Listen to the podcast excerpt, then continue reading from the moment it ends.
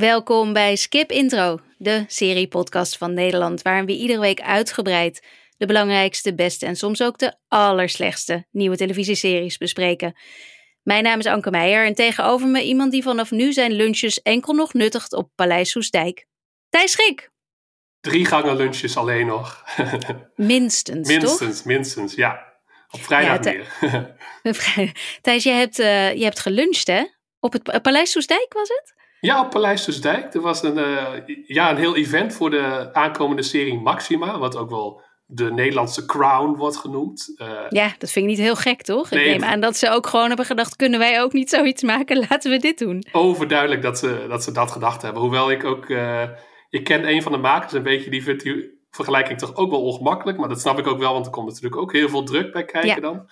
Maar het, eh, het is wel merkbaar dat ze daar eh, veel van verwachten van die serie. Want dit was nog niet eens een, een showing van een aflevering. Dit was een, eh, ja, meer een soort voorstellen van de serie met een trailer erbij. En makers en acteurs waren aanwezig. Dus, en ik ga meestal niet naar dat soort premières of zo. Maar dit was wel even goed om ook wat mensen te spreken. En die lunch had ik helemaal niet zo verwacht. Dat kwam er nog bij.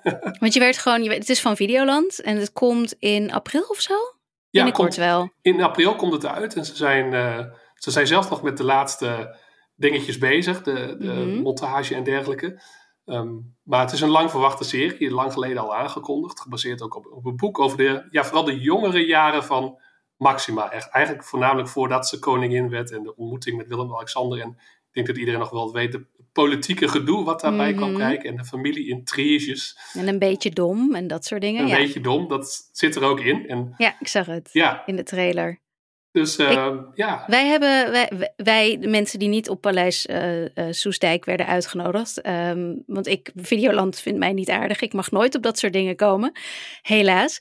Ehm alhoewel. Ik had Ja, waarschijnlijk... je een mailtje, dan mag je de volgende keer echt wel komen. Nee, je- pff, joh, nee. Ik bedoel, was het, had ik erbij moeten zijn?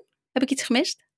Ehm, nou, voor pu- puur journalistiek gezien, voor mij eh, is het dan wel fijn. Wij zijn, eh, ik denk dat we het allebei hebben, dat je vaak met mensen, contactpersonen, eigenlijk alleen maar zit te mailen of te appen. En Mhm. nu heb ik een paar mensen eh, in het echt gezien en dat je daar een keer mee kunt spreken. Maar even los van daarvan. een soort van interview setting. En, eh, Maar los daarvan, los van dat hele zakelijke, was het, ik bedoel, wie zaten, zaten er vooral influencers of zaten er ook allemaal, zaten alle andere belangrijke journalisten daar behalve ik?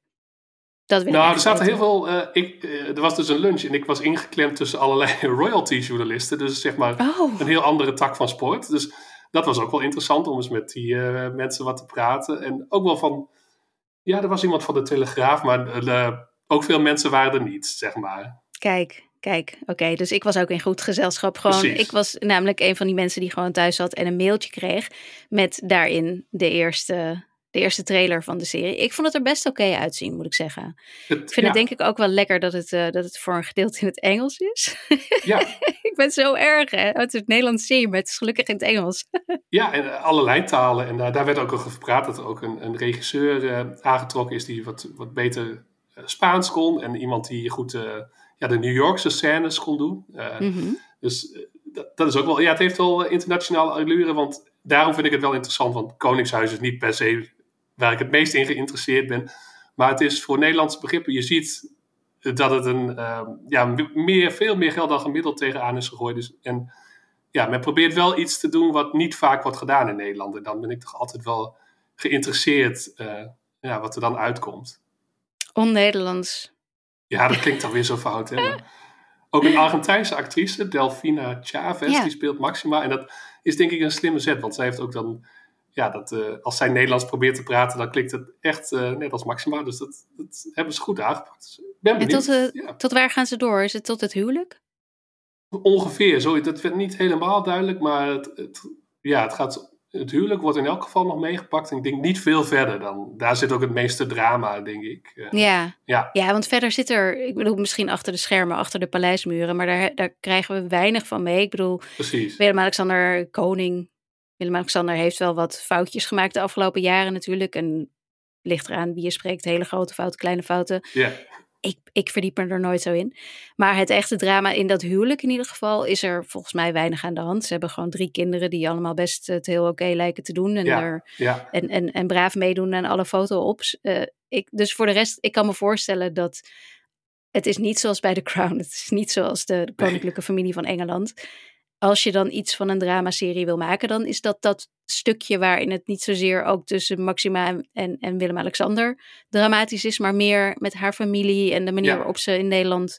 Nou, zij werd al goed ontvangen, maar haar vader werd ontvangen en zo. Dus dat, daar focust deze serie zich op. Dat, ik moet wel zeggen dat ik in de trailer een beetje zoiets had. Ja, wat is er nou echt nog wat is er te vertellen wat we niet weten? Dat gevoel kreeg ik wel een beetje. Weet je waar de latere seizoenen van The Crown misschien ook wel last van hadden, omdat het toch nog vrij recent is. Ja. ja. Ja, Maar goed, ze, hebben wel, ze gaven wel aan van ja, je moet natuurlijk ook wat fictie ervan maken en wat gedramatiseerde dingen. Dus ik ben benieuwd wat ze dan ja, binnen de mm. paleismuren, wat voor uh, misschien toch uh, ruziescènes erin hebben. Ik uh, oh, yeah. weet te weinig van. Ik heb het boek waar het op gebaseerd is niet gelezen. Dus ga ik ook is niet dat een non-fictie? Ja, dat is non-fictie. Okay, dus. Ja, maar ik, ja, ik ben benieuwd. Het is een interessant evenement. Het uh, gebeurt toch niet vaak in Nederland zoiets. En wel gek dat je... Ja, het was op de dag na de presentatie van het uh, rapport natuurlijk... over, mm. over grensoverschrijdend gedrag bij de NPO in Hilversum.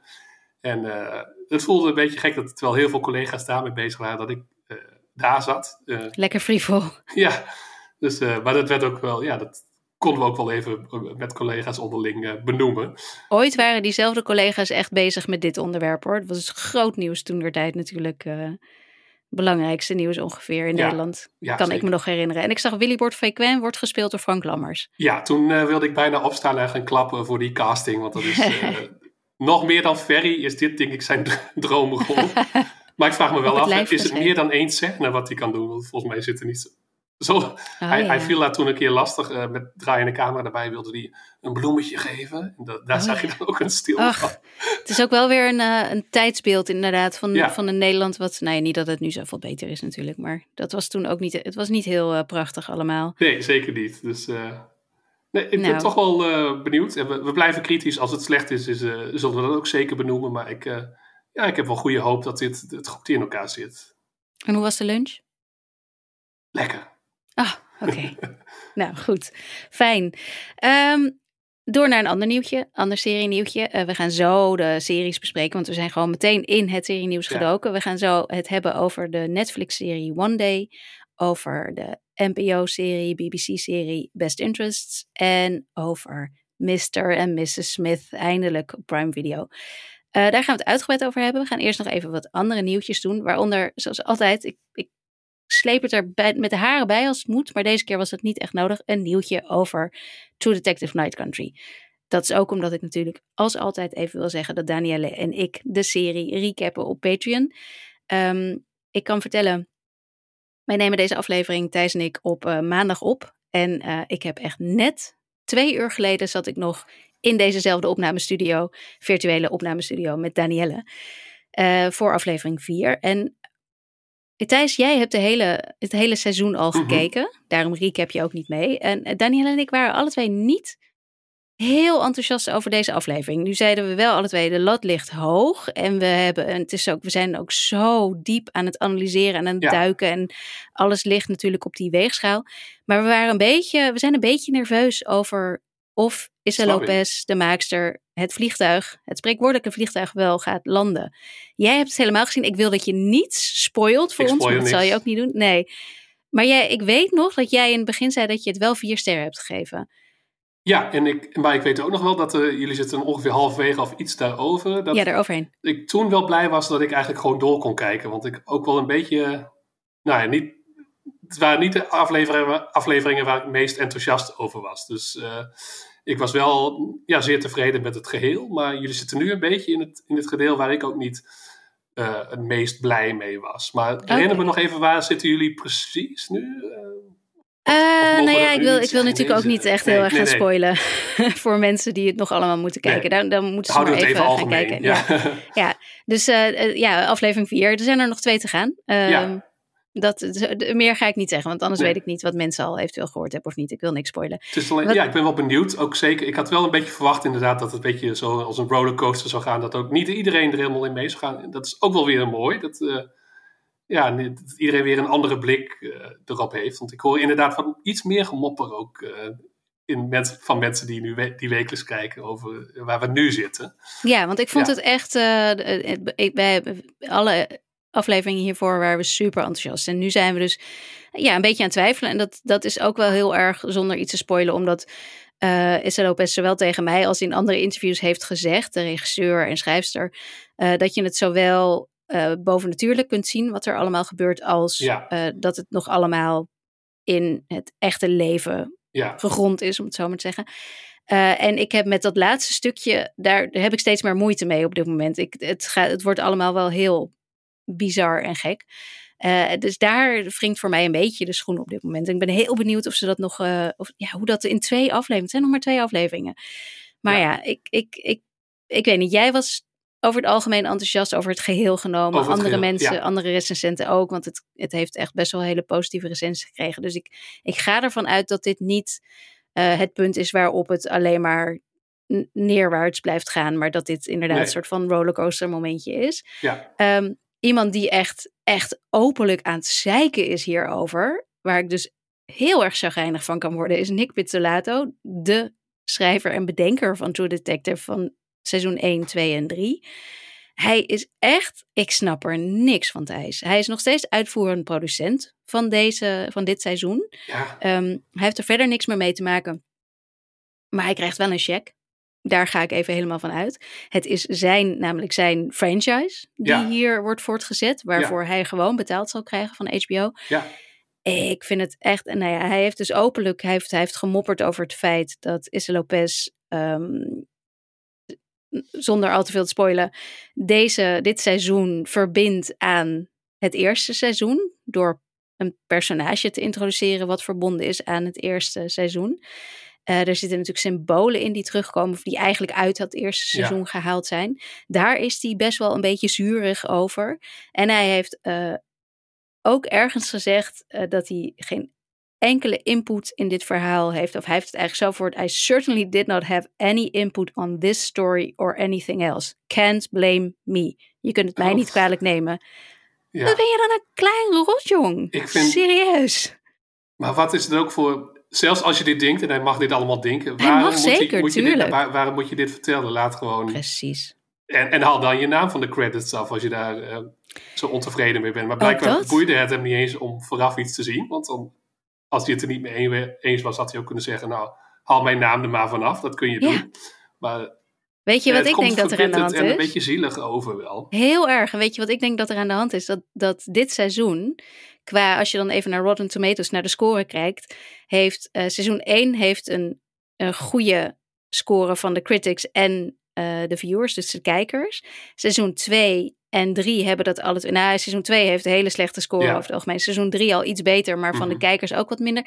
En seizoen 4 van Issa Lopez van iemand anders wordt het best gerate sinds dat eerste seizoen. Ja, Ik denk gewoon dat hij zuur is. Dat zij nu ja, dat zij nu um, credits krijgt voor het opnieuw leven inblazen, leuk leven inblazen van zijn franchise. En dat hem dat niet gelukt is de vorige seizoenen. Terwijl ik seizoen 3 best leuk vond hoor. Maar ik vind het zo klein. echt een ego. Jeetje, Poeh. mineetje. En dat in, ja. in combinatie met het feit dat er al zoveel, nou ja, toch wel mannen waren die het nodig vonden om te zeiken over dit seizoen. Omdat er vrouwen in zitten en omdat het geschreven en gemaakt is door een vrouw. Ik, ja. oh, totaal onnodig. Hij kon zich niet inhouden. En, eh, ik weet nog, vorige week hadden we het over de We Are The World documentaire. En waar dan ook bij de ingang van de studio stond een bordje... Check your ego at the door. En eh, Ja. ja. blijkbaar is zijn ego een beetje gekrenkt. Maar ga dan met je vriendjes eh, ergens thuis erover zeuren. Dat je, over je frustraties. En misschien krijgt hij bepaalde projecten niet van de grond. En eh, is hij daarom ook boos dat dit dan wel uitgezonden wordt. Ik weet het niet, maar een, beetje, een beetje sneu. Ik vind het ook ontzettend sneu. Heel kinderachtig. Maar ja, Ja.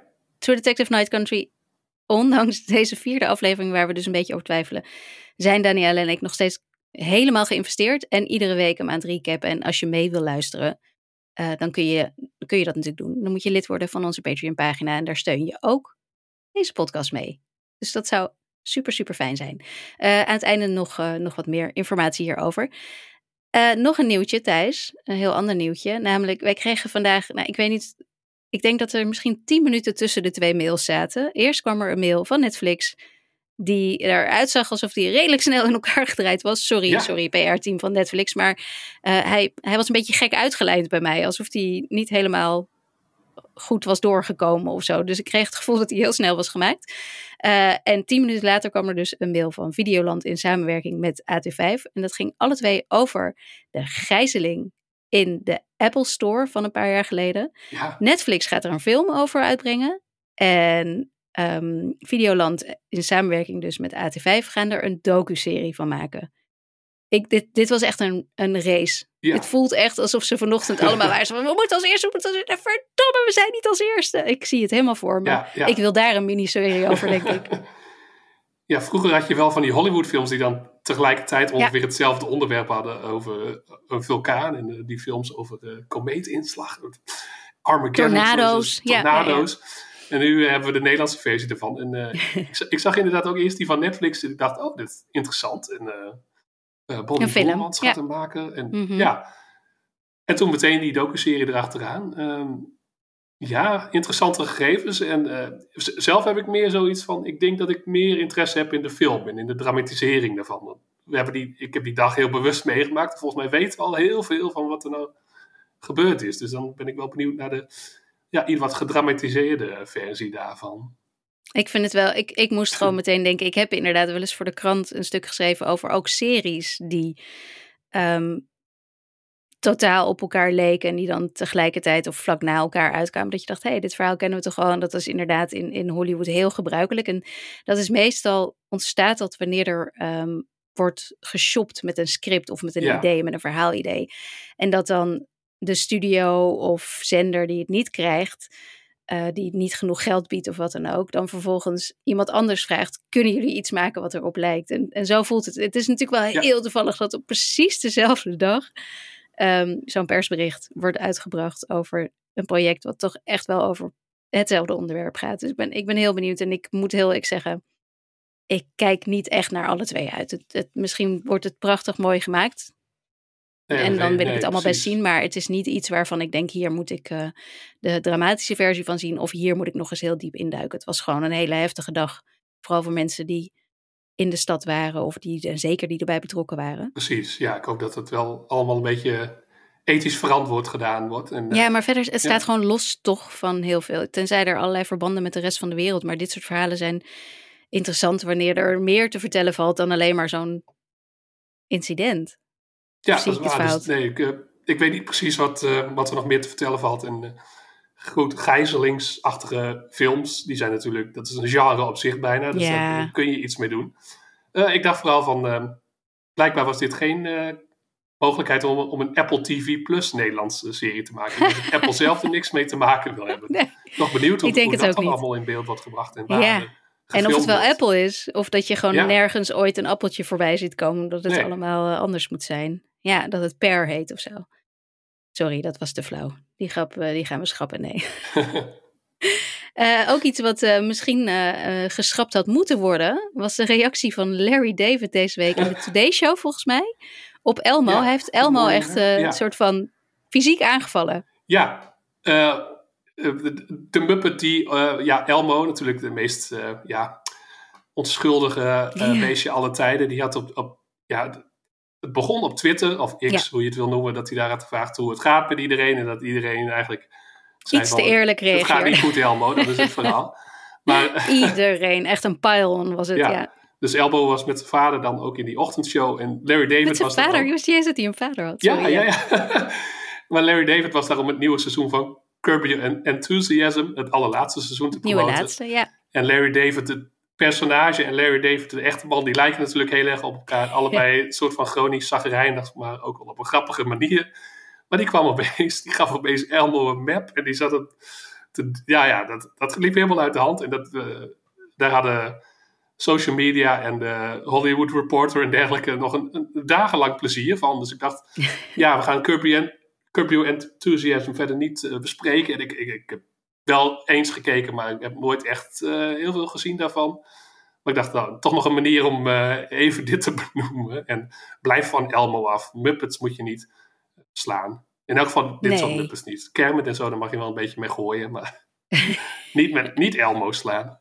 Niet Elmo, nee. Nee, wat een, eh, wat een ophef om niks inderdaad. Precies. Maar Goeie maar PR heerlijk. voor het nieuwe seizoen. ja, ja zeker. Nou, laten we dan naar de series gaan. Die we hebben gekeken en die we gaan tippen. Ik denk dat we eigenlijk alles deze week gaan tippen, als ik zo naar het lijstje kijk. We beginnen met, ja, hè? ja, we beginnen met One Day. After we met, I had a bit of a crush on you. So what happened to it? This crush. Back in the late 80s, it was all I thought about. And now? I thought I finally got rid of you. Can.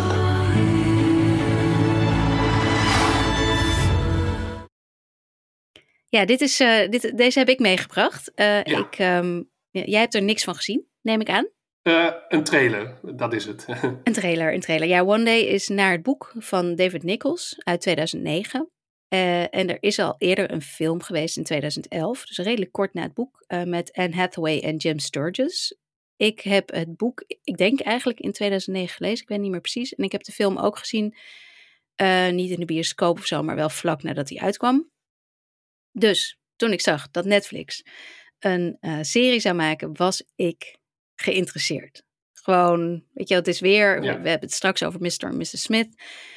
Ehm, films die series worden, boeken die series worden, het komt wel vaker voorbij. Maar ik, ik was toch ook wel wat. Dat je een boek wil filmen, oké. maar er is al een film geweest, waarom moet er nu een serie komen? Ik, ben, eh, ik, heb even, ik heb de screeners aangevraagd bij Netflix om te gaan kijken. Ehm, ook omdat ik wel een beetje een zakker ben voor semi-romantische verhalen. En zeker ja. Britse verhalen natuurlijk. Dit is een Britse serie namelijk. En ook een, eh, de schrijver is ook, eh, David Nichols is ook een Brit. En ehm, ik ben zaterdagmiddag, heb ik hem aangezet. Toen was eh, eh, mijn jongste aan het dutten en de oudste aan het spelen. Ik dacht, nou, ik ga gewoon even kijken. Dan kan ik er in de podcast wat over zeggen. Ik kon niet meer stoppen, Thijs. Ik Oh, kon niet meer stoppen. En ik ben nu gedwongen gestopt. Halverwege, het zijn veertien afleveringen. Ik denk dat ik er vijf of zes heb gezien. Zo. Ik wil het liefst weer doorkijken, maar het kan niet, want ik moet allemaal andere dingen kijken waar ik over moet schrijven. Maar ik kon niet meer stoppen. Ik vond het echt heel erg leuk.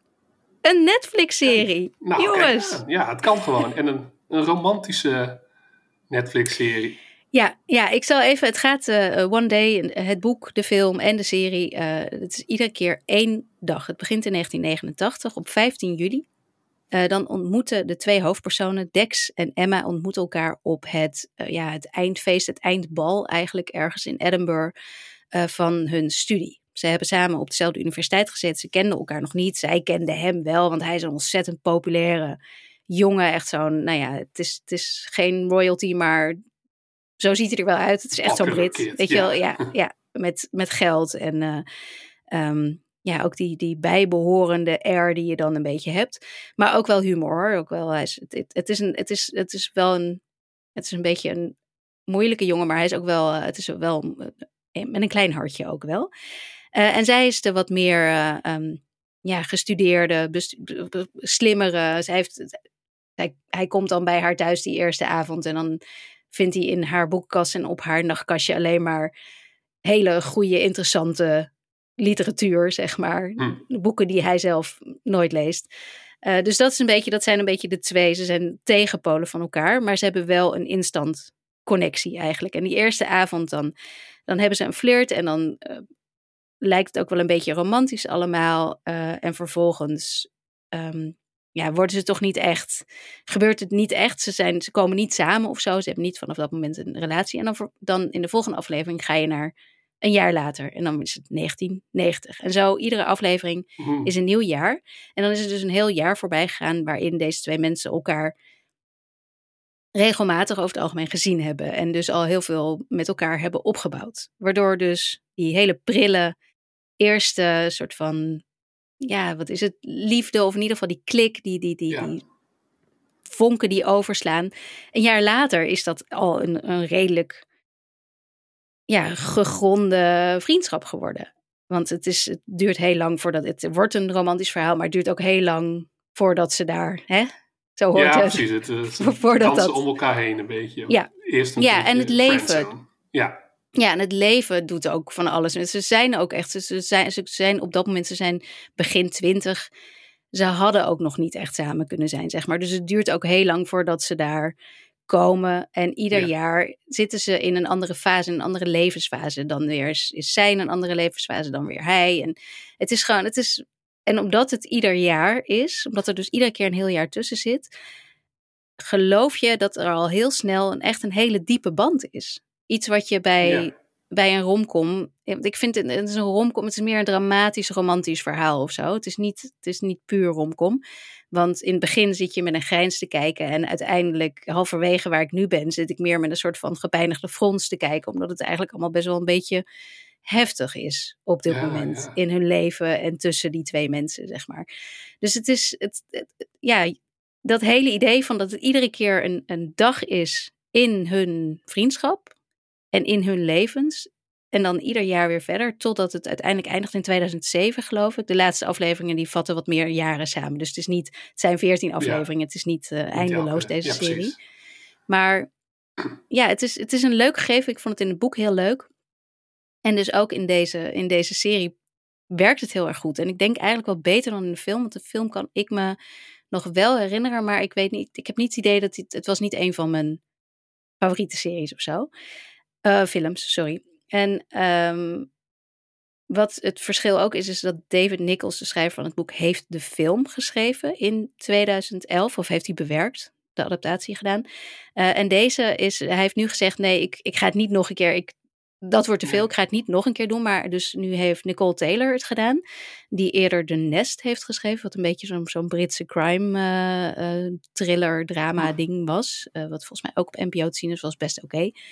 Ehm, en de reden, hij is wel heel erg betrokken hierbij. Hij is ook de, een soort van ik weet niet zo, ik weet niet of hij degene is die dit geïnitieerd heeft, maar hij is in ieder geval volledig betrokken. Dus het is niet zo dat iemand anders zijn verhaal heeft gepakt en weet je wel, hij gaat niet straks als Nick Pizzolatto zitten bitchen op deze serie of zo, want hij is er volledig bij betrokken. Ja. En wat ik heel mooi vond in een interview met Entertainment Weekly, zei hij dat er eh, tussen, zeg maar in de jaren tussen dat hij die film heeft gemaakt ehm, en dat deze serie uitkomt, is er eigenlijk, echt, zo zegt hij het, een heel nieuw medium ontstaan, namelijk streaming televisie, waardoor ehm, zijn boek, zijn, zijn, waardoor je het boek veel beter kunt vertalen, waardoor je eigenlijk een veel letterlijkere vertaling van het boek kan maken, omdat je dus niet in anderhalf uur al die dagen, die jarenlang doorgaan gaat vertellen, je maar omdat je het echt het langer duurt. Ja. ja, per aflevering, per hoofdstuk.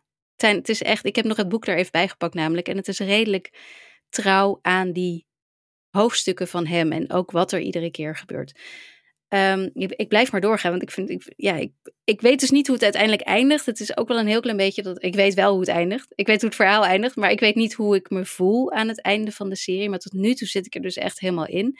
En dat komt ook heel erg door de ehm, chemie tussen de twee hoofdrolspelers. Eh, die wordt namelijk, de Wordex Dex wordt gespeeld door, ehm, ik heb het ergens staan, nu kan ik het natuurlijk niet meer vinden. Leo Woodall, die kennen we van The White Lotus, seizoen 2. Ah. Hij speelde Jack, de Toyboy, weet je nog? Oh ja, zeker, ja. Ja, en ik vond hem in The White Lotus echt, ik vond hem een beetje naar. Eh, heel Zeker. erg naar. Dat is ook wel de rol natuurlijk. Hierin is hij hartstikke charmant. Ehm, en Emma wordt gespeeld door eh, Ambika Mot. En zij is van This is Going to Hurt. Die ziekenhuisserie of van een gynaecoloog die in het ziekenhuis Ja. werkt. Prachtige, prachtige serie, ook echt een aanrader. Eh, en daarin speelt zij een, een leerling, geloof ik, een, of een, een, gynaecoloog in opleiding in ieder geval, in het ziekenhuis. En eh, daarin was ze ook heel erg goed. En deze twee zijn samen echt, ja, super geloofwaardig. Iets wat ik straks ook over Mr. en Mrs. Smith ga zeggen. Ehm, en dat is ook, geldt ook voor deze serie. En ik denk dat die daarom werkt. Het verhaal is interessant. Ja, En vooral de hoofdpersonen zijn interessant. Ik geloof na zes afleveringen volledig dat deze mensen elkaar op dat moment dus al zes jaar kennen. Ja. En heel veel hebben meegemaakt. En eigenlijk voor elkaar voortbestemd zijn, maar nog niet helemaal willen toegeven of doorhebben of nog niet kunnen Ja. plaatsen of wat dan ook. I'm invested. En het is een Netflix-serie. Het ziet eruit als een Netflix-serie. Het heeft veel geld, want ze zitten iedere keer op een andere locatie. Rome, Griekenland, Edinburgh, dus Londen. Het is allemaal echt op locatie opgenomen volgens mij. Er zit een glosje overheen, maar ik vind het in dit geval... Ik vind het niet erg. Ik ben er, ik ben er helemaal van aan het genieten. nou fantastisch. Dat, eh, dat is goed om te horen. Ik, ik weet Ja. niet of ik eraan toe ga komen, maar het is ook, eh, wat, ja, Zo, ik ben nu al opeens, eh, ik was helemaal niet invested en nu denk ik van, oh, dit zou toch wel wat kunnen zijn. Dus dat is, dat is Ja. wel goed om te horen. Ja, nou ja, je weet, je, weet, je weet ondertussen wel hoe ik ben. Ik, Mhm, eh, ik, ben niet, eh, ik ben niet snel onder de indruk. Ik kan wel, ik, het hoeft voor mij niet allemaal hoogstaand te zijn. Het hoeft niet allemaal heel moeilijk te zijn. eh, als het me maar op een of andere manier grijpt. En One Day op Netflix heeft mij gegrepen. En ik kan niet wachten tot ik tijd heb om de rest te kijken. Het duurt nog even, vrees ik. Maar, en als het me dan uiteindelijk toch nog heel erg tegenvalt, dan, dan kom ik er wel weer op terug. Maar denk het niet. Het is vanaf donderdag te zien op Netflix. Dus jongens, leef je uit. Als je dit weekend even wil Bingen. dan, eh, dan staat het er. Oké, dan gaan we door naar de volgende serie. Best Interest. She is a fighter. She's willful. She's deteriorating rapidly. Her body is failing her. What exactly are you saying? She's saying that she wants her to die. These are impossible decisions for parents to make. Is it in Marnie's best interest don't get to decide what to do. She is our child. I love her too. Thijs, Best Interest staat nu op NPO. Dit is een serie die al eh, vorig jaar in Engeland is uitgezonden. Die ook al bij ons op BBC First te zien is geweest. Maar Ah, eindelijk, ja. eindelijk te streamen is. Ja, dat Op- is altijd lastig met BBC First dingen, dat je denkt van, hé, hey, je kunt het helemaal niet alleen maar gewoon lineair kijken en niet Van oeps, oh, vergeten. Ja, eerste Ja. aflevering gemist. Laat maar zitten. Ja, en nu al bij de NPO Plus, NPO Start te zien en dan ook nog op reguliere tv, volgende week ergens. Maar eh, wij zijn natuurlijk vooral streamers, dus wij kunnen gewoon alles al kijken. Jij hebt denk ik alles al gezien? Of? Ik weet eigenlijk niet of ik de laatste aflevering heb gezien, want die was volgens mij nog niet beschikbaar. Ik zal even, Ah, dit is een ja. serie die vorig jaar was ik op het Series Festival Series Mania in Lille, in Frankrijk. En daar ging deze eh, serie, de eerste twee afleveringen gingen toen in première. Dus ik heb het op groot scherm gezien. Eh, Ja. In aanwezigheid van Jack Thorne, de schrijver, en een van de hoofdrolspeelsters, Neve ehm, Moriarty heet ze. Eh, dus ik, ik heb het al lang, al bijna een jaar geleden dat ik het gezien heb. En ik, en ik weet niet of ik die laatste heb, uiteindelijk nog heb gezien. Ik denk het eigenlijk niet. Dus ik, ik, dit is een goed moment voor mij om hem, om hem af te maken. Als Ja. ik er tijd voor heb. Eh, even, even kort, het gaat over ehm, een gezin. Eh, vader, moeder, eh, gespeeld door Sharon Horgan. Die we natuurlijk kennen van Bad Sisters en Catastrophe en Mr. en Mrs. Smith. En Michael Sheen, Ja. die we kennen van, noem eens wat, ehm, waar kennen we Michael Sheen Heel allemaal veel van? dingen. Heel Character veel. actor Michael Sheen, maar ik heb even een blank. Eh. maar ja, Eh, dat is natuurlijk een ehm, website. Frost. Frost Nixon, ehm, hij is ook van eh, die Masters serie. of Sex natuurlijk, een goede Masters of Sex. ondergewaardeerde serie. Ja, precies. Nou ja, Michael Sheen, fantastisch. Alle twee fantastische acteurs en ze zijn ook echt geweldig samen. Ehm, Jack Thorne, de schrijver, die heeft ook eh, His Dark Materials geschreven, de serie. Oh ja. Hij heeft de film Wonder heeft hij naar het scherm gehaald. Dat is natuurlijk wel een boek, maar daar heeft hij de eh, verfilming van geschreven. En de tv-film Help, die, in, die ging ook over eh, de pandemie eigenlijk. En ehm, tenminste, die is in de pandemie uitgekomen. Maar het ging over Oh. thuiszorg en de manier waarop dat in Engeland. Daar is heel veel, dat, dat is ook zo'n film die heel veel ophef veroorzaakt. Omdat mensen Ja, echt boos ja. werden op de regering en zo.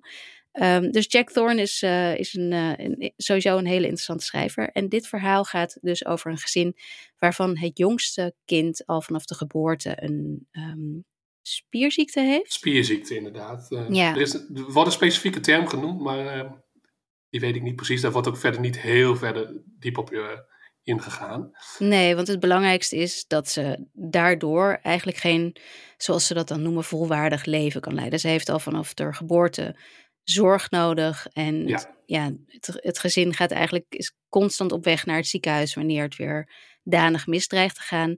En dan op een gegeven moment komen ze op een punt dat ze in het ziekenhuis zeggen. Het heeft eigenlijk niet zo heel veel zin meer om de behandeling voor te zetten. Dus er is nog wel zorg voor haar, maar we moeten eigenlijk stoppen met behandelen. Wat, wat erop neerkomt dat dit meisje, Marnie heet ze, ehm, een tienermeisje, uiteindelijk zal sterven. En de vader legt zich daar met een compleet gebroken hart bij neer. En moeder, die kan zich daar niet bij neerleggen. En Nee, die nee. laat het zo ver gaan tot, eh, tot het in de rechtbank komt. En dat is dus, dat heet een best interest zaak. Waarbij het uiteindelijk bij de rechter, dat de rechter moet gaan beslissen ehm, ja, wat de juiste keuze is als ouders tegenover elkaar komen te staan. Of als ouders tegenover het ziekenhuis komen te staan. Ja, Dus, eh, dus daar is dit, eh, dit is zeker ja, geïnspireerd door de werkelijkheid. Niet door echte zaken. Dat heeft hij eh, willen vermijden. Hij wilde, Ja. geen, hij wilde niet dat, dat mensen zich erin zouden herkennen. Maar dit zijn wel dingen die vaak in Engeland ook in het nieuws komen. En ehm, ja, het is, het, is een, het is een, wat dat betreft een hele aangrijpende serie. Die tegelijkertijd ook wel...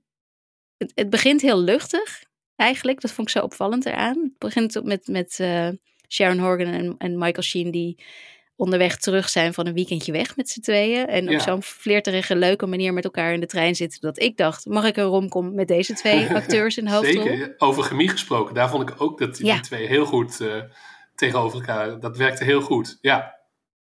Maar Ja. al snel eh, komt er natuurlijk een twist en eh, moet, het, moet de dochter snel naar het ziekenhuis. En dan krijg je al, ja, het wordt heel helder uitgelegd. Je krijgt ook nog wat flashbacks naar de, de- toen, het, een- eh, toen ze een kindje was. En Ja. ja, zeg maar eigenlijk de diagnose kwam van, ja, dit, dit- waarschijnlijk wordt dit geen lang leven of eh, iets met veel pijn. En eh, ja, ik vond het, we hadden het laatst met Mr. Bates over van, daar, uiteindelijk kwamen bij mij de tranen niet, maar hier al bij aflevering 1 dat ik een paar keer echt het al moeilijk had, omdat dit zo authentiek en zonder dat het overdreven sentimenteel wordt, gewoon wel hartverscheurend wordt, wordt gespeeld. En ook hoe de ouders met elkaar omgaan en hoe je ziet wat voor ja, tol dat eist en hoe je dan met elkaar omgaat. En met een dochter die verder helemaal gezond is, maar waar je ook meteen van ziet van, oh, die wordt bijna soms vergeten. Van, eh, Ja, de oudste de tienerdochter. oudste ja. tienerdochter.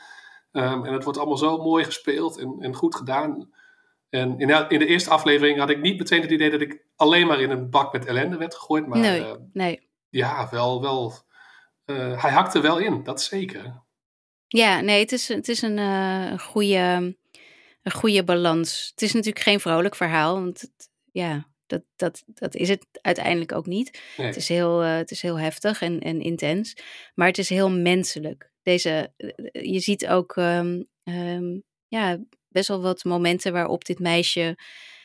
Het is, zij is, ik denk dat dat het ook is. Zij is echt een beetje, die, die Marnie is echt het hart van deze serie. En zij is zelf ehm, ja, een heel positief mens eigenlijk. Ja, met een, een ja. enorm hart die, die ja, van de kleinste dingen kan genieten. En dat dan ook volop doet. Zeg maar, die met beide handen dat leven wat ze dan heeft aangrijpt. En daarmee doet wat ze kan doen. En dat maakt het ook wel weer ja, heel hartverwarmend en, en, en mooi. Maar het Ja. blijft natuurlijk een, een, een vreselijk, vreselijk verhaal. Ja, Ehm, ik weet ook nog dat, eh, dat Jack Thorne toen vertelde dat hij ehm, eh, geïnspireerd eigenlijk was om dit verhaal of om zo'n soort verhaal te vertellen, omdat hij tijdens de pandemie heel erg merkte dat de maatschappij, zeker in Engeland, maar dat was eigenlijk overal, eh, heel makkelijk mensen opdeelde in, in een soort van twee groepen. Je had de ja. groepen die gezond waren, tussen aanhalingstekens, en de mensen die al een, een onderliggend gezondheidsprobleem hadden. En die waren ook minder belangrijk. Als die dan stierven, was het, oh, maar die had Ja, al iets. precies. zeg maar. Ja, dat die zou had toch al een- gebeuren. Ja, nu gebeurt Ja. het dan iets eerder. Zo, dat Ja, precies. idee, Ja, En dat was een beetje, hiermee wilde die ook aantonen dat ook zo'n meisje, wat misschien al vanaf de geboorte ehm, ja, op, op, door de artsen nou ja, wordt afgeschreven, min of meer, dat het ook een leven is. Zij is ook een leven Ja. aan het leiden. En dat is ook niet zo makkelijk om dat dan zomaar op te geven. En aan de andere kant begrijp je, tenminste, ik begreep alle twee de ouders volledig. Ik, ik, ja, ik hoop dat ik nooit, maar dan ook nooit op zo'n in zo'n positie kom. nee. Maar ik kon me bij alle twee voorstellen dat, dat ja, de- gewoon ook hoe ze het spelen. Als Michael Sheen speelt, dat hij ja, dat die, dat die zich er een soort van bij neerlegt. Compleet verslagen ook, zeg Ja, maar. Dat, zeker. dat voel je en dat geloof je. En aan de andere kant geloof je haar ook als zij gewoon niet van plan is om los te laten. nee Dus ik vond het eh, heel... Ja, en Ja. zelfs ook, ook de arts, want in zo'n serie kun je dan makkelijk zeggen Ook. dat de arts een soort slechterik wordt, maar ook hoe zij het uitlegt. Dat is dan een vrouwelijke arts die heel empathisch wel uitlegt van eh, wij, wij zien, probeert uit te leggen waarom het dan, nou ja, het woord opgeven wordt dan niet gezegd, maar dus van waarom het ook voor dat kind gewoon uiteindelijk verschrikkelijk is, want ze lijdt steeds meer pijn, ze moet steeds vaker, ze moet ook gereanimeerd worden en dan is er misschien eh, weer extra schade en ja, Ja. wanneer is het nog menselijk om haar in leven te houden? En eh, ja, het wordt allemaal heel eh, genuanceerd gedaan, zonder dat, dat, het, dat er opeens een slechterik wordt neergezet. Ja. Want je, begrijpt beide kanten gewoon. En dat is gewoon Ja, dat wilde ja, hij ook per se niet. Hij wilde ook niet dat de NHS, dus de, de Engelse gezondheidszorg, in een kwaad daglicht te staan zou komen. Omdat het ook gewoon niet. Die mensen werken ook keihard. En doen er ook Ja. alles aan. Kijk, dat er, dat er problemen zijn binnen die gezondheidszorg in Engeland. Dat heeft meer te maken met de overheid en bezuinigingen en dat soort dingen. precies. Dan dat het met de mensen te maken heeft die daar hun uiterste best doen. Dus dat wilde hij ook inderdaad eh, heel erg voorkomen. Wat ook leuk is in deze serie is dat dus de, het meisje wat Marnie speelt, Neve Moriarty, die heeft in het echt ehm, cerebrale parese. Ik geloof dat ik dat goed uitspreek Hmm. zo. En ehm, zij was ook dus op dat festival en ze heeft toen ook echt het was een heel, een heel leuk mens. Precies eigenlijk zoals ze ook overkomt in die serie. En zij is echt heel erg eh, ehm, ja, aan het advocaten, zeg maar, om mensen met een lichamelijke beperking op tv en, en Ja. op je scherm te krijgen. Omdat het gewoon ook heel belangrijk is. Omdat je daarmee, eh, ja, dat je ook ziet dat deze mensen zijn inderdaad ook net zo belangrijk in onze samenleving. En zijn niet, leiden geen halve levens, ze leiden ook hele levens. Dus het is ook belangrijk om, ja, waar we het vaker over hebben, wat je op je scherm ziet, doet ertoe Ja, eh, vertegenwoordiging. En of het nou is wanneer je, dat je ziet eh, hoe ehm, de sub-postmasters allemaal eh, benadeeld zijn door de post office in Engeland. Of dat je, dat je gewoon zo'n meisje ziet die een echt iemand is. In Ja. plaats van een ja, karikatuur bijna van iets wat we denken dat het is. Dus het Ja. is ook heel, eh, ik vind het ook heel, zij heeft dan niet gelukkig dezelfde ziekte als Marnie in de serie heeft. Maar zij heeft wel, haar lichamelijke beperking is wel, ehm, eh, wel echt. En ja, ik hoop, ik heb haar nog niet verder gezien sindsdien. Maar ja, het is ook maar pas een jaartje geleden. Dus ik, ik, hoop, eh, ik hoop dat zij, eh, want ze was hartstikke goed. Ze is echt heel ja goed in zeker. deze Ja. serie. En ik heb wel het idee dat in Groot-Brittannië ook, ook wel voorlopen op dat vlak. Ik weet, bij de BBC is dat echt ook wel, zijn ze daar heel erg mee bezig. Niet alleen met dramaseries, maar ook met eh, presentatoren. En dat, eh, ja, ook diversiteit is ook dat je mensen met een bepaalde beperking, dat die, eh, Ja. die, die zijn er en die moet je ook ehm, ja, allerlei kansen geven. En, want ik weet nog altijd dat, ik volg veel muziek en het festival Glastonbury bijvoorbeeld, daar doen ze Mhm. altijd heel veel mee. En daar hebben ze ook een verslaggever die in een, een rolstoel zit. En dat wordt dan niet per se benoemd, maar je ziet het wel. En je ziet ook hoe hij dan over dat festivalterrein gaat bijvoorbeeld. En dan zie je van, ja, dat is gewoon op een heel weer. Ja. natuurlijke manier erin gebracht. En ehm, ja, ook Maar het is wel goed om te dat, zien. ja, dat is Goed om te zien dat het voor hem Ja. anders is om over zo'n festivalterrein te gaan dan voor Je jou. ziet dat het anders is, zonder, en dan Ja. hoef je er helemaal geen, eh, totaal geen eh, ver- verhaal van te maken van dit is moeilijk voor mij, dit is gewoon anders. En dat is ja, heel goed. En, en, en zeker ook goed dat ze, ja, ik zag ook, er zit ook een scène in dat ze in een soort eh, klasje zit, en een hele klas met, ja, met eh, ook mensen met een beperking. En er zit nog een, een jongetje in die een grap maakt. En eh, dat je denkt van, ja, dat voelt allemaal heel authentiek aan. En dat, dat, Mhm. dat helpt ook gewoon voor de serie. Dus eh, op alle vlakken is dat goed. En ja, ik ga, ik ga zeker verder kijken. Ik, ik ben positief, maar dit is wel eentje die ik niet wil bingen. Die wil ik echt eh, in delen kijken, want dit is wel eentje die, eh, die, die, die er even inhakt als je hem eh, Ja. kijkt. Ja, maar ook weer niet. Het is dus niet een super, super zware Nee, precies. Dat is ook serie waarvan je helemaal in de put zit als je hem kijkt. Omdat er zoveel menselijkheid in zit. Dat je er ook weer een positief gevoel aan de mensheid aan overhoudt, zeg maar. Dat is een beetje die, die mooie balans die, die, die ze gevonden hebben in deze. Dus Best Precies. Interest, ehm, aanrader. Tweede aanrader van deze uitzending. Jongens, eh, ga allemaal kijken op NPO, Start, N+, Plus en reguliere tv vanaf volgende week. Precies. Dat mogen, mogen jullie zelf even uitzoeken. Eh, en dan door naar Mr. en Mrs. Smith. Work, life, romance. They're all part of the same project. You said you loved me. Yeah, you did too. We're about to die. So you didn't mean it? No, I do. That's cool. Ja, eindelijk. Eindelijk mogen we het erover hebben thuis. Ja, We kijken hier al lang naar uit. De Donald Glover remake, reboot van Mr. en Mrs. Smith met uh, tegenspeelster Maya Erskine. Erskine, zeg ik dat goed? Erskine, ja, ik had hem nog even ja. gegoogeld. En uh, je van zo'n YouTubeje, want uh, Google had ook eentje, maar daar werd haar naam verkeerd uitgesproken. Maar ja, Erskine. Kijk, ik deed het in één keer goed. Uh, het is, we, hebben het er al, we hebben het er vorige week al over gehad, want we konden hem nog niet bespreken. Hij staat sinds vrijdag op Amazon Prime in zijn geheel. Maar we konden hem niet bespreken vorige week, omdat er een embargo op zat tot vorige week donderdag. Wat, ja. uh, waardoor ik eigenlijk een beetje dacht van, nou, zijn ze, zijn ze bang dat critici het niet goed gaan vinden of zo? En er was nog een heel gedoe zelfs uh, online zag ik op social media mensen die het zich afvroegen van wat is de strategie hierachter? Precies, Ik weet het nog steeds niet, want mensen zijn nee. critici zijn laaiend enthousiast, wij zijn laaiend enthousiast. Ik heb niet het idee dat het de serie geholpen heeft, want het is niet dat er op, ma op vrijdag toen het uitkwam opeens zo'n enorme hoos aan nee, nee. fantastische verhalen was dat iedereen nu is gaan kijken. Ik snap er helemaal niks van. Echt helemaal niks. Daarbij kreeg ik maar drie afleveringen van tevoren. Jij ik ook, denk ik? Ja, ja ook. Uh, we moesten door allerlei hoepels heen springen. En goed, dat, Om ze dat kan überhaupt gebeuren, te maar dat is uh, wel gek. Want volgens mij, de critici in Amerika kregen alles vooraf. Die hebben alles gehad, ja. ja terwijl, het, terwijl het dus echt, echt een hele leuke serie is. Uh, vorige week vertelden we natuurlijk, hadden we het er wel even over. En toen hadden we het natuurlijk over dat het een remake is van de film die we allemaal kennen uit de jaren nul met Brad Pitt en Angelina Jolie.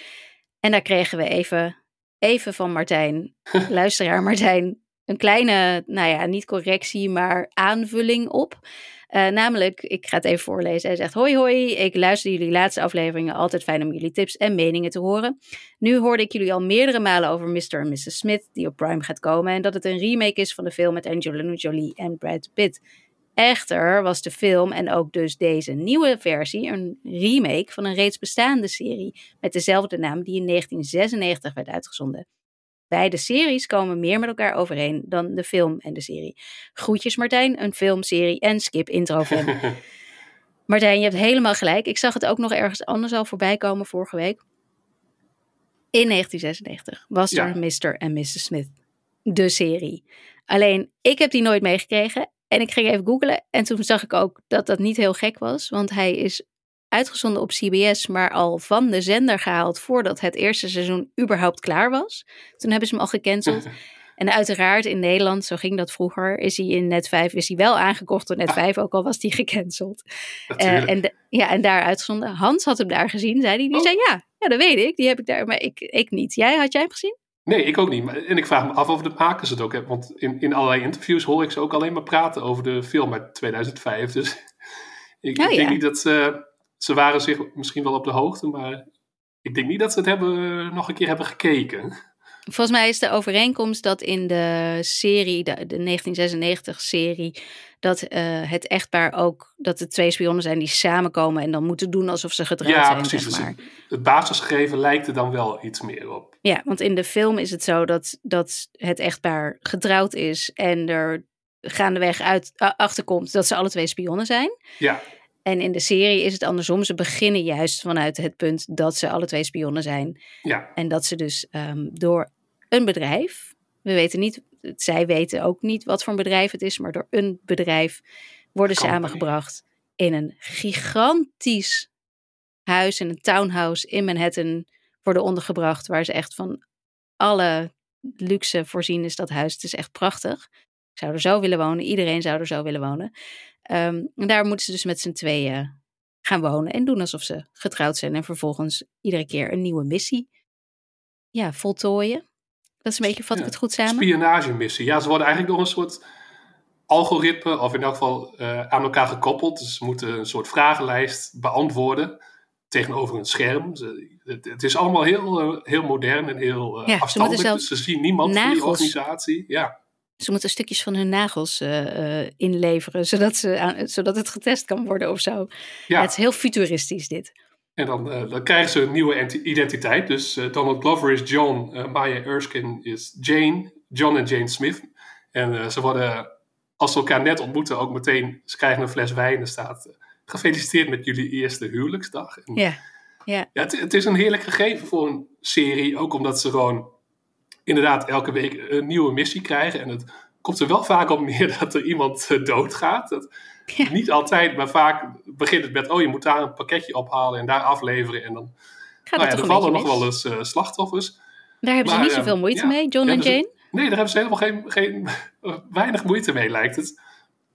En, ehm, maar tegelijkertijd is het ook echt wel een relatiedrama. En meer dan ik had verwacht eigenlijk. Dus dit soort... En ik denk dat de film... Ik weet niet of ik hem ooit heb gezien zelfs, maar ik kan me wel herinneren. Nee? De Oh. trailer herinneren. Het is een beetje zo... One-liners, catchphrases tegenover elkaar. En echt een heel actiecomedy. heel veel actie, heel sexy. Ja, En hier ehm, viel het me op hoe ehm, ja, genuanceerd het eigenlijk ook over een soort van relatie gaat. Want je kunt je wel voorstellen als je samen gaat wonen en samen gaat werken, dan nou ja, mogelijk eh, ontstaat er dan wat. En volgens mij zit het ook wel in de trailer dat ze bij een Ja, ze doen er ook niet te moeilijk over, Ze doen er niet te moeilijk over. Dat, het duurt niet lang, Nee. ze komen redelijk snel samen. En dan hebben ze inderdaad een relatie terwijl ze deze, ja, deze, in deze gekke situatie zitten. Dit gekke ja.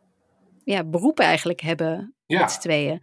En dat is, ik, ik, ik, had, ik heb dus aflever, ik heb vier afleveringen gezien. En ehm, de eerste aantekening ongeveer die ik maakte, was dat ik het een stuk romantischer vond dan ik dacht. ja, Eh, ja. En grappiger dan ik dacht. Ik zit regelmatig hardop.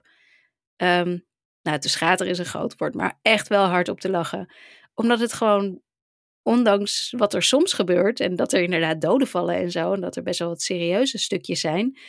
is het ook echt gewoon heel leuk. Het is ontzettend leuk, deze serie. Ja, zeker. Ja, het- begint al snel als je... Er is een aflevering met John Turturro, die een soort rijke stinkert speelt. En eh, eh, Mr. en Mrs. Smith moeten dan eigenlijk... ja, wat, wat moeten ze precies doen? Ze moeten eigenlijk hem een soort waarheidsserum inprikken.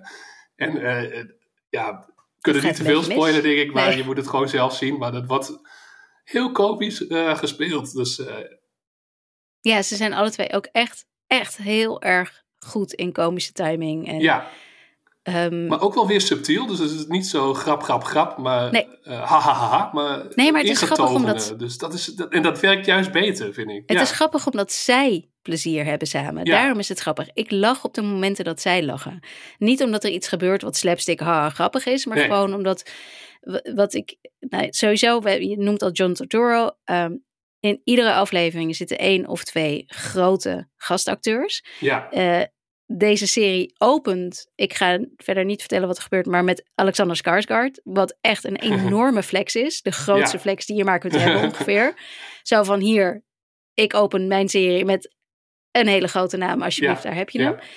Eh, en inderdaad, iedere aflevering, maar, de, maar het- hoe groot deze namen ook allemaal zijn, hoe groot deze acteurs ook zijn, de chemie tussen Donald Glover en Maya Erskine is zo immens dat hij eigenlijk alles overschaduwt wat er verder gebeurt. Ja. Deze twee acteurs samen zijn zo geloofwaardig en leuk. Er is in aflevering 4, dus zover als ik ben gekomen, die eindigt met dat ze samen in bed de dag eigenlijk aan het bespreken zijn. En wat er dan gebeurt is een, het is een hele heftige, bizarre aflevering.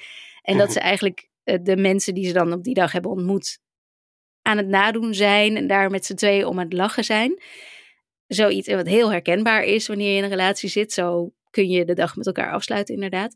ja. En de manier waarop hij op een gegeven moment lacht om iets wat zij zegt, dat was, en ik vond het zo echt dat ik, dat ik het idee had dat ik gewoon naar twee mensen in een relatie zat te kijken. Ja. Hij lacht echt zo van, dit, dit kan bijna niet geacteerd zijn. En ik, ik kwam ook ergens tegen dat deze twee dus met een perstour bezig zijn, waarin ze dus allerlei interviews geven. En dat die interviews hilarisch zijn. Bijna nog leuker dan de serie, zeg maar. Totaal op elkaar ingespeeld. Op een, en- en Echt? dat terwijl zij een invaller is ook nog. Dat ja, is want eigenlijk was het Phoebe Waller-Bridge. Ja. Ja. Ja. Ja, want ik las net nog een interview met haar dat ze zelfs geen. Je hebt dan, eh, als je auditie doet, vaak een chemistry, chemistry read. Dus dat Ja. je kijkt of er geen of je een is. klik En hebt. die, die, hebben, die hebben ze niet eens gehad vooraf. Dus het was vrij snel dat ze erin ge, Hmm. in, de, in de serie geknald werd. En de, maar het werkte heel goed. En het is. Wat zo knap is in deze serie is ook dat elke aflevering weer een beetje een eigen vibe heeft. Dus het zijn losstaande avonturen, of noem maar, noem maar op. Je hebt echt Ja. puur eh, meer een soort van actieafleveringen, maar ook eentje waarin ze ja, eigenlijk een soort dubbel date hebben, waarin ze gaan eten met een ander stel. Ehm, ook fantastisch gedaan dat je denkt van, oh ja, dit, zo kan het ook. Eh, met een fantastische rol voor Parker Posey, die een soort Ja. ja, jaren 90 it girl was zij, maar ook van de indie-wereld. En, uh, ja, zonder iets, ja. zonder iets te spoilen, in die aflevering gaan ze met elkaar bedenken welk, wie goed oud wordt, zeg maar. Wie een soort van nog steeds net zo cool is of beter wordt eigenlijk met leeftijd. Dat is het, wie ieder jaar beter wordt. En dan komen ze uit op Dolly Parton, uh, en op Sade. En oh ja. ik, ik denk dat iedereen die aan het kijken is, denkt: En jij, Parker Posey? En jij, want jij wordt ook ieder jaar beter. Ja, Ja. En ehm, ja, verder, je, je kunt zien dat er een, een smak geld tegenaan gegooid is. Er is één nog een wat latere aflevering die zich in Italië afspeelt rondom het Como-meer. En dan kun je ook Mm. duidelijk zien, daar zitten ze in een huis. Ja, daar is, daar is gewoon eh, tijd en geld aan besteed. En dat is gewoon het huis van. George Clooney. Nou, misschien wel, ja. Misschien hebben ze daardoor wat eh, geld kunnen besparen. Want je verwacht ook misschien wat, heel veel actie in die serie. En die komt ook zeker in, het, eh, in die aflevering onder andere. En dat ik dacht van, holy shit, dit is gewoon... Opeens is het wel Jason Bourne, eh, Mission Mm. Impossible. Want het valt me op dat heel in de, veel eer- erin zit. nee, in de eerste aflevering, als het dan actie wordt, dan is dat dan, dan hoor je en zie je het een beetje. Maar het is, Ja, het is niet het belangrijkste. Het is, niet waar de Nee. focus op ligt, inderdaad. nee. Wat, ik, eh, wat ik persoonlijk heel prettig vind. Want ehm, ik hou wel van een spionnenserie. En ik hou ook, kan ook echt wel van de actie houden. Maar in dit geval vind ik deze twee mensen het allerleukste. ja, In die gekke situatie waarin ze zitten. Terwijl ze elkaar leren kennen en ontdekken wat voor een relatie ze willen hebben. En kijken of ze, of ze ja, elkaar durven te vertrouwen en zichzelf durven bloot te geven. En dat is Ja. wat, wat deze serie volgens mij zo interessant maakt. ja, en ze zitten ook veel te kibbelen. En ook dat voelt realistisch. Hoe je dan eh, ruzie kunt krijgen. Of hoe je een beetje Op de Ja, farmers market. op ja. de farmers market. En, ehm, ja, dus ook de aflevering waarin ze in therapie gaan. Daar is Sarah Paulson, eh, Oh, is de relatietherapeut. Oh, wauw. Zonder in details te treden. Heerlijk, goed gedaan. En ook weer een heel andere vibe. En dat eh, heel knap. Hey, en even, want jij hebt het helemaal afgekeken. Wederom natuurlijk absoluut geen spoilers. Maar zou er een seizoen 2 kunnen komen? Of kun je dat Ja. niet zeggen zonder nee, spoilers? ah, nee, absoluut. Oh, want eh, de maker heeft ook een interview gegeven dat ze graag een tweede seizoen wil. En, eh, ja, want het is door Donald Glover, maar de, Ja. er is nog een andere showrunner, toch? Ja, ehm, die naam heb ik hier wel ergens voor me. Francesca Sloan, die ook al met Glover Sloan, bij eh, Atla- met Atlanta heeft gewerkt. Ja. Eh, zijn broer Ste- eh, Steven Glover werkt ook mee als schrijver en producer. Ja, ik zag ook ja. regisseur die vaak bij Atlanta eh, voorbij komt. Hero Murai, die heeft de, Die de doet- pilot gedaan, of de eerste aflevering. Ja. Ehm, maar zij is echt de showrunner en ehm, heeft ook al een interview gegeven dat ze graag door wil. En ehm, ik zal verder niet zeggen hoe het gaat, maar het zijn losse avonturen. Maar er zit natuurlijk een rode draad in, er zit een ontwikkeling in, er zitten ontwikkelingen in. En van begin tot eind, ook de laatste aflevering, heb ik met veel plezier gekeken. En ja, daar, daar zullen we nog niks over zeggen, maar dat is ook heel goed gedaan. Ja, het is echt, nou, ik, ik, ik denk, ik, ik, dit mag van mij inderdaad gewoon weer terugkomen. Dit is er, Ja, dit is er eentje die ik, eh, als je dan over spionnenseries hebt, net zo prettig en leuk vind als eh, Slow Horses op Apple TV. Heel ander soort spionnen, maar, want het valt me wel op dat ze het spionnenwerk best goed doen trouwens. Dat ze wel zeker. Ja, weten wat ze doen. ja. Eh, ook al Gaat ben je daar af en toe een beetje bang voor. Dat je denkt, hè, wat, wat doe je nou? Maar dat het toch eigenlijk, ze weten wel wat ze aan het doen zijn, zeg maar. Ja, zeker. Dus eh, ik, eh, ja, ik vind het leuk. Ik vind, en vooral die twee samen. Ik vind ze echt eh, Ja, heerlijk om naar te kijken. en ja, misschien moeten we de volgende week of een, op een ander moment nog een keer terugkomen als iedereen echt de tijd heeft gehad om alles te zien. Want ik, ik vond het wel ook een interessant hoe het hele seizoen zeg maar, zich ontwikkelt. Dus Oké. er is nog wel, valt nog wel wat te bespreken. Oké. Ja, Nou, dan, dan ga ik even kijken wanneer ik het eh, af kan kijken. En dan, eh, dan komen we er een keertje op terug. Leuk. Cool. Oké. Eh, ja, waar we deze week niet op terugkomen is Masters of the Air. Aflevering 3 is inmiddels al live. En ik heb hem gekeken en ik, ik vond het best een hele toffe aflevering. Met een fantastische, ehm, nou ja, hele, niet een scène, maar meerdere scènes achter elkaar. Waarin, waarin ze dus in het vliegtuig zitten en bommen, bommen moeten werpen en dat soort dingen. Ik, heb, ik, ik zei net voor de, dat we gingen opnemen al tegen Thijs. Dit is voor het eerst dat ik een beetje het gevoel heb dat ik snap hoe heftig, chaotisch, doodeng het en bizar het is om in zo'n gevechtsvliegtuig te zitten terwijl je van alle kanten beschoten en aangevallen wordt. Mm. Dus ik vond het, eh, ik vond het absoluut. Ik ben nog steeds eh, van mening dat Masters of the Air voor mensen die Band of Brothers leuk, eh, goed en, en, en fantastisch vinden, dat dit uh, absoluut een, een aanrader is. Misschien uh, komen er later aan het einde van de serie of zo ook nog een keer op terug. Ik ben in ieder geval nog steeds met heel veel plezier aan het kijken.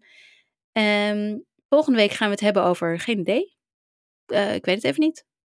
Oeh, er komt, er komt wel van alles uit, maar ik, ik weet het ook even niet. Maar dat is ook wel een ben, leuke cliffhanger misschien. Van, ja, waar gaat het ja ik ben zoveel aan het kijken op dit moment. Ik weet eigenlijk niet wat er, van, wat er volgende week komt. Ik ja, klopt. Ik zit ook al wat vooruit te kijken. Dat ik denk, is dat volgende week al of is dat die week daarna? Dus, uh...